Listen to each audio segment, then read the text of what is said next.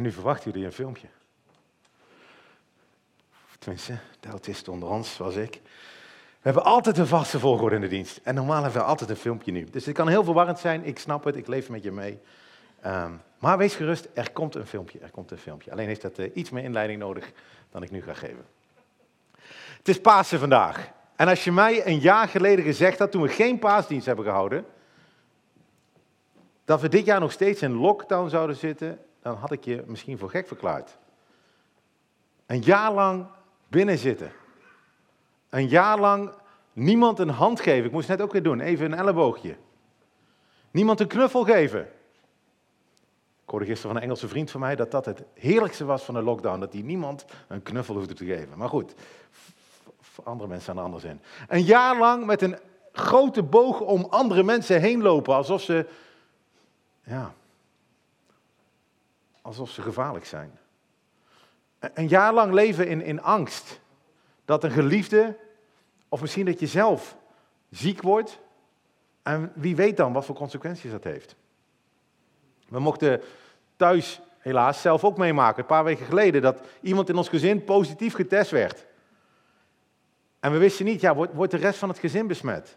Uh, wat gaat er nou gebeuren? Wordt iemand erg ziek? Moet naar het ziekenhuis?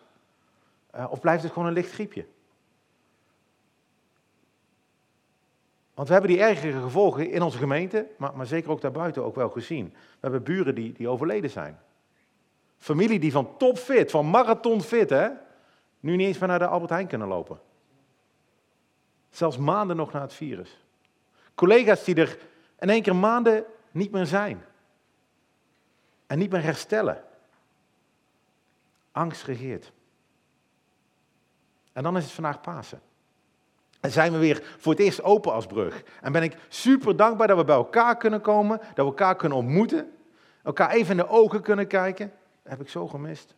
En misschien straks na de dienst heel voorzichtig even een klein praatje met elkaar kunnen maken. En ik snap het ook als je ervoor gekozen hebt om thuis te blijven. En ik, ik begreep net dat er problemen zijn met de techniek. Ik vind het super erg. Maar ik snap het, dat je thuis blijft. Dat je in de veiligheid van je eigen omgeving via de livestream geen enkel risico wil nemen. En ik hoop dat je ondanks het scherm, of misschien straks de podcast als je terugluistert, toch onderdeel voelt van, van ons vandaag, van de brug. Ik wil vandaag een boodschap van hoop geven. Hoop in tijden van corona, hoop in tijden van angst, hoop in tijden van een, een globale pandemie, een crisis. Want ik geloof echt dat we die hoop kunnen vinden in Pasen. Juist in de opstanding. En dat is ook mijn thema vanochtend. Wat heeft Pasen ons te zeggen in deze tijd, in de tijd waarin we leven? Wat is het antwoord van Pasen? Wat is de hoop die Pasen geeft op de dood, op de verdriet, op ellende die we om ons heen zien? En natuurlijk heb ik drie punten. Dat verandert niet. En met de hulp van onze Sarah heb ik daar drie O's van kunnen maken. Nou, dat is ook heel knap. Het eerste punt is overgave, de opstanding en overwinning. Drie O's. Kan je het makkelijk onthouden. Maar laten we eerst naar de Bijbel gaan. doen we altijd. We openen de Bijbel. We kijken. We lezen daaruit. En ik wil teruggaan naar, niet naar Pasen. Ik ga terug naar Pinksteren. Dat was 15 dagen na Pasen. De discipelen die hadden Jezus zien sterven, zien opstaan. En na 50 dagen waren ze bij elkaar. En gaf Petrus, een van de vrienden van Jezus, een geweldige toespraak. En dat staat in je programma opgeschreven. Het is een paar zinnen. Ik ga hem eerst helemaal doorlezen en dan gaan we er die drie punten uithalen. Peter staat voor een hele grote groep mensen. En hij praat over Jezus en hij zegt het volgende. Hij zegt, Jezus, de Nazarener, de man uit Nazareth, een man die u van Gods wegen aangewezen is door krachten, wonderen en tekenen, die God in uw midden door hem gedaan heeft, dus God heeft wonderen en tekenen daar gedaan, zoals u zelf ook weet, deze Jezus, die overeenkomstig het vastgestelde raadsbesluit en de voorkennis van God overgegeven is, hebt u gevangen genomen en door de handen van onrechtvaardigen aan het kruis gespijkerd en gedood. God echter heeft hem doen opstaan door de weeën van de dood te ontbinden, omdat het niet mogelijk was dat hij daardoor vastgehouden zou worden.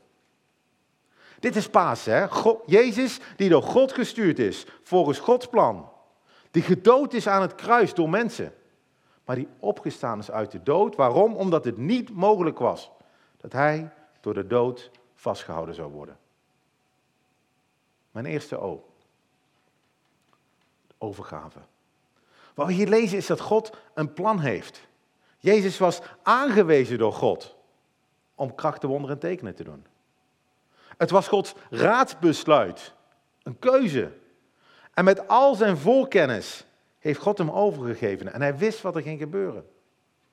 En dan gebeuren er verschrikkelijke dingen. Hè? Mensen die nemen hem te gevangen. Mensen spijkeren hem aan een kruis. En verdoden hem op een verschrikkelijke manier. Weet je, al die vrienden van Jezus die daarbij waren, inclusief deze Petrus, waren ontgoocheld. Dit had toch helemaal niet mogen gebeuren? Hun vriend, hun, leraar, hun rabbi, hun meester, wordt onschuldig aan een kruis gehangen. Hoe zouden zij gereageerd hebben toen ze daar op Goede Vrijdag aan het kruis stonden? Toen ze hem naar dat graf droegen. En wat is onze reactie nu? Het afgelopen jaar als we geconfronteerd worden met dit ellendige virus. Misschien lijkt hij wel op die reactie van de discipelen. De vraag, waar is God? Waar is God? Of misschien ben je juist boos geworden. Waarom doet God dit? Het zijn logische vragen. Die de discipelen denk ik ook gehad hebben. Maar onder beide vragen zit een aanname. Een aanname die volgens mij niet helemaal klopt. Als je nou vraagt waar is God, dan heb je misschien een beeld dat wij hier op aarde zijn en dat God heel ver weg is. Dat God afstandelijk is, dat God ons ons gangetje maar laat gaan en alleen ingrijpt als het absoluut nodig is. Of misschien wel helemaal niet ingrijpt. Misschien twijfel je zelfs aan het bestaan van God. Maar de God van de Bijbel is nooit veraf. Hij is altijd dichtbij. Hij is niet even op vakantie. Hij is niet even druk bezig met een andere planeet of zo. Hij heeft altijd aandacht voor ons. En er gebeurt niets, helemaal niets, zonder dat hij daar weet van heeft. Hier stond net ook de voorkennis, zonder dat hij zelfs daar voorkennis van heeft. Hij is altijd dichtbij. En de laatste dienst op 13 december hebben we er ook aandacht aan gespeeld. God met ons. God die door Jezus altijd bij ons is. Nu kan het wel zijn dat we dat altijd, niet altijd voelen of niet altijd in de gaten hebben. Maar dat betekent niet dat het niet waar is. Ik weet niet, sommigen van jullie kennen misschien dat gedicht uh, Voetstappen in het zand. Heb je er wel van gehoord? En sommige mensen hebben wel eens boekenleggertjes, een heel mooi gedicht. Hè? Is iemand die, die loopt op het strand met God en, en die komt erachter, als hij terugkijkt, ziet hij iedere keer uh, twee paar voetstappen. Maar in zijn moeilijke tijden ziet hij maar één paar voetstappen. En dan zegt hij, God, waar bent u? Waar was u? In de moeilijke tijden, juist toen ik u nodig had. Waar was u? En in dat gedicht zegt God, ik ben altijd bij je en in die moeilijke tijden droeg ik jou. Daarom zie je jouw voetafdrukken niet. Het afgelopen jaar, zegt God, heb ik jou gedragen. En ik denk dat dat gedicht iets te positief is, want ik denk dat er nooit twee paar voetstappen in het zand staan. Ik denk dat we altijd gedragen worden. Altijd. Er zijn geen momenten in ons leven dat God ons niet draagt. Maar gevoelsmatig snap ik het wel. Dat het soms voelt alsof God ver weg is. En toen Petrus zijn vriend aan het kruis zag hangen, toen voelde God ontzettend ver weg. Maar uiteindelijk was er maar eentje die verlaten is. Eentje. Dat was Jezus. Die verlaten werd door God, zodat wij nooit verlaten zullen worden. Dat is de grote verwisseling. Hij krijgt wat wij verdiend hebben. En wij krijgen wat wij niet verdiend hebben. In het lied van Sela, wat net gezongen werd, de, de Eefje, zongen we... Wat een offer, hij voor mij. De grote verwisseling. Dat is het nieuws van Pasen. Hij hing daar voor jou. Hij overwon voor ons. De tweede vraag van waarom doet God, als God dan dichtbij is, waarom doet hij dan dit? Maar daar zit namelijk ook een aanname onder dat alles wat er gebeurt, dat God dat regisseert. Alsof we in één grote poppenkast leven, waar God dan alle touwtjes trekt. Zonder dat we daar een eigen verantwoordelijkheid in hebben. Maar Petrus zegt hier heel duidelijk in, in die tekst, zegt hij, jullie, jullie hebben hem gevangen genomen. Onrechtvaardigen hebben hem aan het kruis gehangen. Als we zeggen dat God alles doet, het goede en het kwade, dan slaan we door en nemen we geen verantwoordelijkheid voor onszelf, voor onze eigen daden. En wordt God een ontzettend vrede God, die heel veel leed veroorzaakt. Als je bij het kruis zou staan, en je gedachte is, waar, waarom doet, doet God dit? Dan ga je er helemaal aan voorbij dat Jezus door mensen veroordeeld, gemarteld en gedood is. Vorig jaar hebben we het over Daniel gehad. Ik weet niet of je, je nog herinneren. Als je, Daniel bent en, en je wordt gecastreerd en je wordt weggehaald bij je familie en je wordt afgevoerd naar Babylon en je denkt dat God daarvan de oorzaak is, dan ga je eraan voorbij dat het mensen zijn die dit gedaan hebben. Het mooie van Pasen is dat we zien wat God al duizend jaar roept. Dat hij het slechte kan gebruiken ten goede. De slechte dingen die mensen doen, kan God gebruiken ten goede. Dat was bij Jozef, dat was bij Daniel, dat was bij Jezus. En dat hij ervoor zorgt dat alle dingen meewerken ten goede. God heeft uiteindelijk Daniel gebruikt om het hele volk af te voeren. Maar uiteindelijk kwamen de Israëlieten terug in Israël, bouwden ze een tempel, kwamen ze weer samen, aanbanen ze God weer.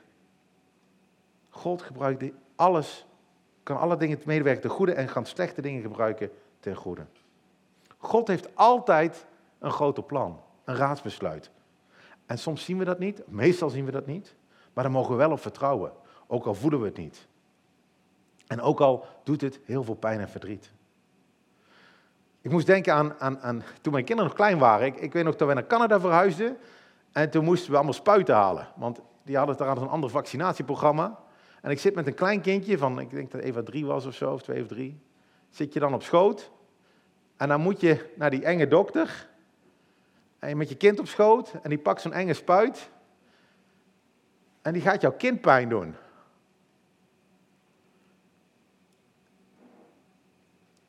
En haar kindje kijkt je aan met zulke ogen. Papa, waarom laat je die mevrouw mij pijn doen? waarom laat je dit gebeuren? Waar ben je? U zou mij toch beschermen? Grote tranen, misschien meer bij mij dan bij haar overigens. In ieder geval veel verwarring. Maar er was een groter plan. Er was een reden daarvoor. Maar dat kon zij op dat moment natuurlijk helemaal niet zien. En voor ons ook is er een groter plan. Een groter plaatje. En daarom zitten we nu hier. En God gaat corona gebruiken voor zijn plan. Dat doet hij al. En ik ben ervan overtuigd. Dat is mijn eerste punt, overgave. Kunnen wij, God heeft Jezus overgegeven, maar kunnen wij onszelf aan God overgeven? Hem vertrouwen in deze moeilijke tijden. Dat grotere plan lijkt me tot mijn tweede O. De opstanding. Want het plan was dat de dood overwonnen zou worden doordat Jezus zou opstaan uit de dood. Zodat wij geen angst meer hoeven te hebben van die dood. Vers 24 stond, God heeft hem doen opstaan door de weeën van de dood te ontbinden, omdat het niet mogelijk was dat hij daardoor vastgehouden zou worden. Weet je, angst voor de dood is reëel. En ik denk dat angst vaak op meerdere niveaus is. Er is angst voor betekenis. Als ik doodga, wat heeft mijn leven dan te betekenen? En er is natuurlijk ook angst voor het, voor het overlijden zelf. Wat gebeurt er als ik doodga? Weet je, als de dood het laatste woord heeft, dan moeten we nu het maximale uit ons korte leven halen nu. En om heel eerlijk te zijn, heeft het leven dan heel weinig betekenis. Niemand weet, hè, even heel confronterend misschien, maar over 100 jaar weet niemand meer hoe geweldig jij was. Denk zelf maar na, wat deden jouw overgrootouders? Hoe heten ze? Wat voor geweldige dingen hebben die mensen gedaan? En het hele grote plaatje, over een paar miljoen jaar stort de aarde terug in de zon. Dan maakt het echt niet meer uit. Niemand weet dan nog of jij moeder Teresa was of, of, of Bin Laden. Als de dood het laatste woord heeft, heeft het leven heel weinig betekenis.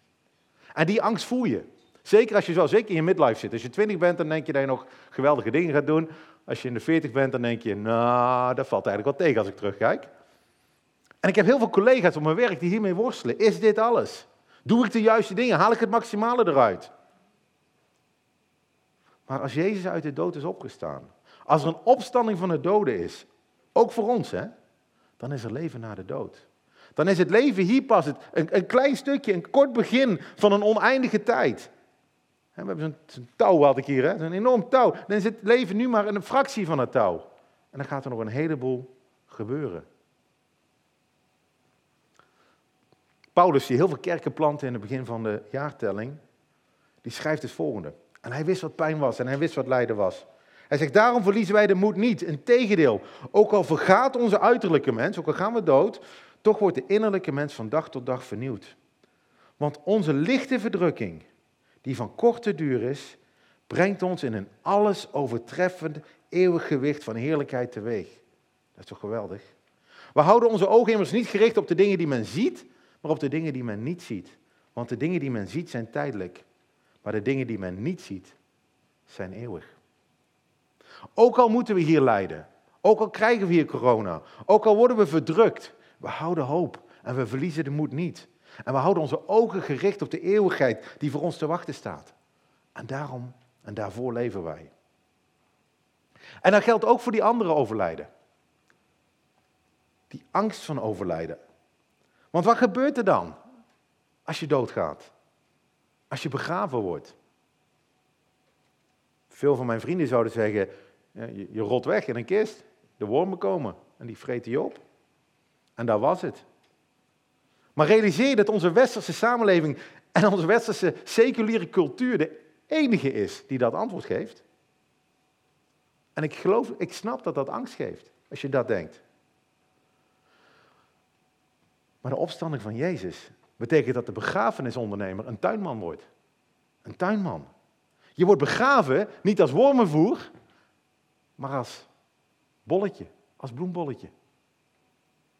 Je wordt geplant om op te staan in een nieuw leven, waarin je opnieuw tot bloei mag komen. Ik vond het zo mooi hoe, hoe, hoe Petrus het zegt. Hij, hij noemde de, de wegen van de dood. Wegen leiden altijd, als het goed is, tot nieuw leven. Een nieuwe geboorte. Een alles overtreffende heerlijkheid, zoals Paulus zei. Dat is de hoop van Pasen. Dat als straks je tijd hier op aarde voorbij is, dat je begraven mag worden als een bloembolletje. En dat verandert alles. Ik heb een kort videootje. Het is super slechte kwaliteit, ook voor de mensen hier. Als je nog thuis zit te kijken, wordt het nog slechter. Maar het was het beste dat ik kon vinden qua kwaliteit. En het gaat over een begrafenis, waarin dit zo tastbaar zichtbaar wordt. Op 13 eh, december 2019 is, is mevrouw Lois Evans overleden. Nou, mede of jullie kennen die natuurlijk niet. Maar in Amerika is ze redelijk bekend, in, in, in Texas. Zij is de vrouw van een predikant, ze had haar eigen, ze schreef boeken. Uh, die, die, man die heette Tony Evans. Ze is ook de moeder van een, een Amerikaans voetbalspeler. Uh, Jonathan Evans. En op haar begrafenis, hè, dus ze is op 13 december overleden, is nog voor corona allemaal, 13 december 2019, begin 2020, sprak Jonathan over zijn worsteling, want ze had kanker. En ze hadden gebeden met, met heel Texas, noemt hij dan, en heel Amerika en heel de wereld. Overal in de wereld waren mensen aan het bidden voor deze vrouw, dat ze beter zou worden. En ze overleed. En hij worstelde daarmee. En op, zijn, op die begrafenis sprak Jonathan dus over die worsteling van die dood. Laten we even naar Jonathan luisteren.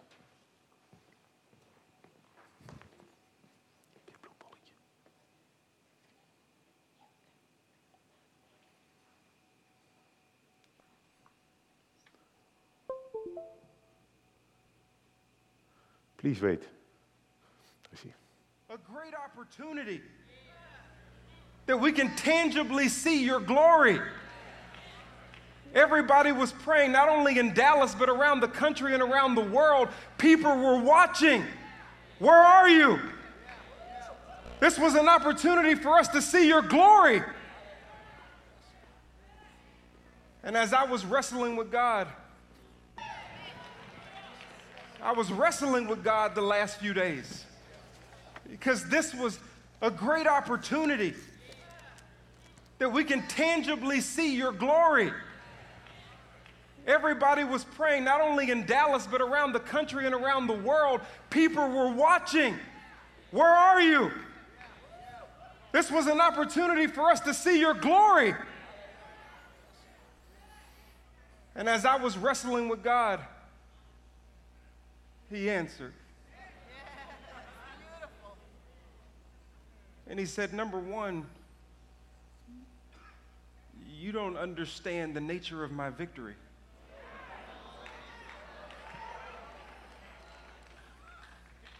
Because just because I didn't answer your prayer your way doesn't mean that I haven't already answered your prayer anyway.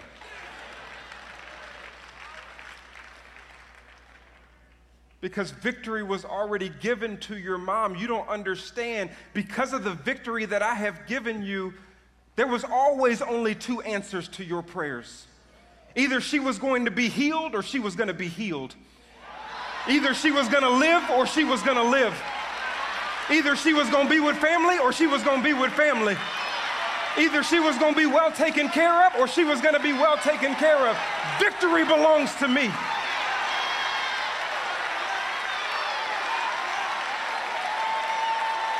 Because of what I've already done for you, the two answers to your prayer are yes and yes. Because victory belongs to Jesus. Many said to me,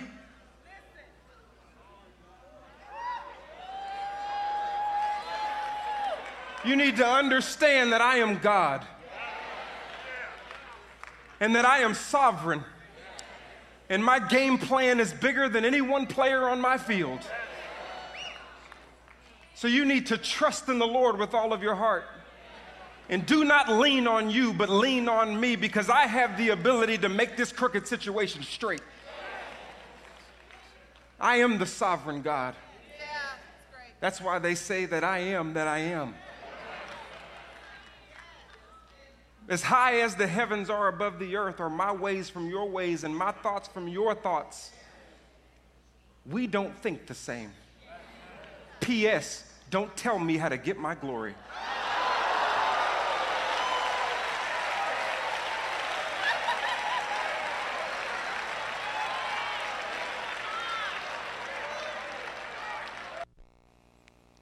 Begrafenis.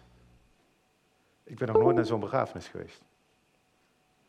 Dat het zo, zoon, zo zijn moeder begraaft. Een begrafenis met hoop. Je moeder is genezen. Je moeder leeft. Je moeder is bij je familie. Er wordt gezorgd voor je moeder. Wat een troost. Wat een troost. En dat allemaal door het derde punt van vanochtend, de O van overwinning. En ook van overwinnaar.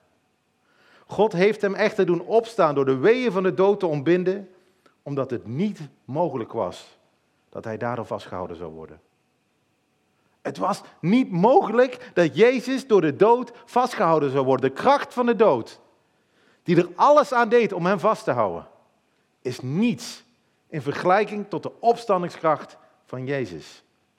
Jezus heeft de dood overwonnen. En het mooie is, hij heeft het niet alleen voor zichzelf gedaan. Hij heeft het voor ons gedaan. Hoe werkt dat? Als je van voetbal houdt, misschien heb je afgelopen weken Nederland zien tegen Turkije. Dat ging niet zo goed. Tegen Letland, dat ging iets beter. Nederland tegen Turkije. Toch, toch stonden er geen 17 miljoen mensen op dat veld. Wel achter de buis misschien, maar, maar niet op dat veld. Er waren elf mannen die aan het voetballen waren. En als die elf mannen verliezen, dan verliest het land. Misschien kent het verhaal van, van David en, en Goliath.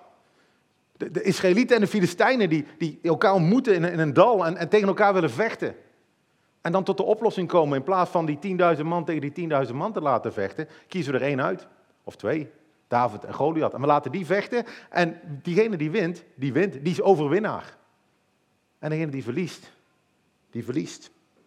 En uiteraard is dat een vooruitwijzing en een, en een beeld van wat Jezus voor ons zou doen. Hij die voor ons strijdt. Hij die voor ons overwint. Hij die onze plaats neemt op dat kruis. Hij betaalde de prijs die wij hadden moeten betalen voor ons leven. De prijs van de zonde is de dood, staat in de Bijbel. En hij sterft. De prijs is betaald. Wij hoeven hem niet meer te betalen. De dood kan niets meer van je eisen. En daardoor heeft de dood geen enkele macht meer over ons. Jezus heeft overwonnen. Hij is overwinnaar. Hij heeft voor ons gewonnen. Hij sterft zodat wij leven krijgen. Hij wordt verlaten door de Vader, zodat wij bij God de Vader kunnen zijn. Hij overwint de dood, zodat wij vandaag met Hem de overwinning kunnen vieren. Met Pasen, maar ook tot een eeuwigheid. Wat een offer. Hij voor mij, zongen we. Maarten Luther noemde het, de theoloog, hè? niet, uh, niet uh, Maarten Luther King. Maarten Luther, die noemde het de grote verwisseling. Jezus is overwinnaar. En de vraag die ik voor jou heb vandaag is, is hij ook jouw overwinnaar? Want dat verandert alles in je leven. Nu, hè, als je naar zo'n begrafenis gaat. Nu, als je geconfronteerd wordt met corona, met de dood, met ziekte, met verdriet, met lijden. Maar ook forever, na de dood. Die apostel Paulus, die ik toen straks al citeerde, die heeft het zo mooi samengevat. En daar wil ik eigenlijk mee eindigen. Een hele mooie tekst. Die zometeen, komt die terug? Dat weet ik niet. Ik kom in een ander lied terug misschien, dat we ons plan B lied. Maar in 1 Korinthe 15 schrijft hij, dood, waar is uw prikkel? Hij gaat de dood uit, uitdagen daar. Graf, waar is uw overwinning? De prikkel nu van de dood is de zonde en de kracht van de zonde is de wet. Maar God zij dank, die ons de overwinning geeft door onze Heer Jezus Christus. Het lege graf verandert de dood in een tuinman.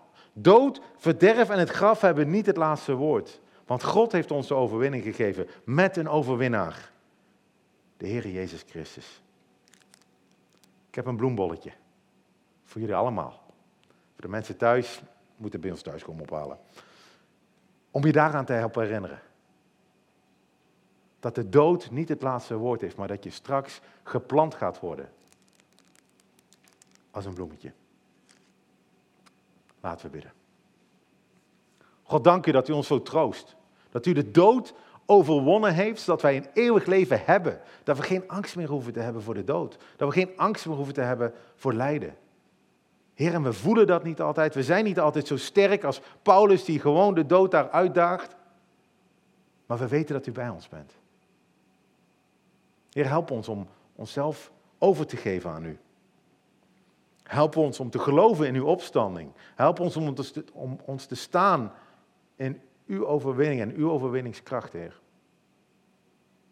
Heer, en leer ons om de mensen om ons heen, zeker tijdens deze pandemie, om de mensen om ons heen te troosten met deze woorden die u ons gegeven heeft, met deze hoop die u ons gegeven hebt.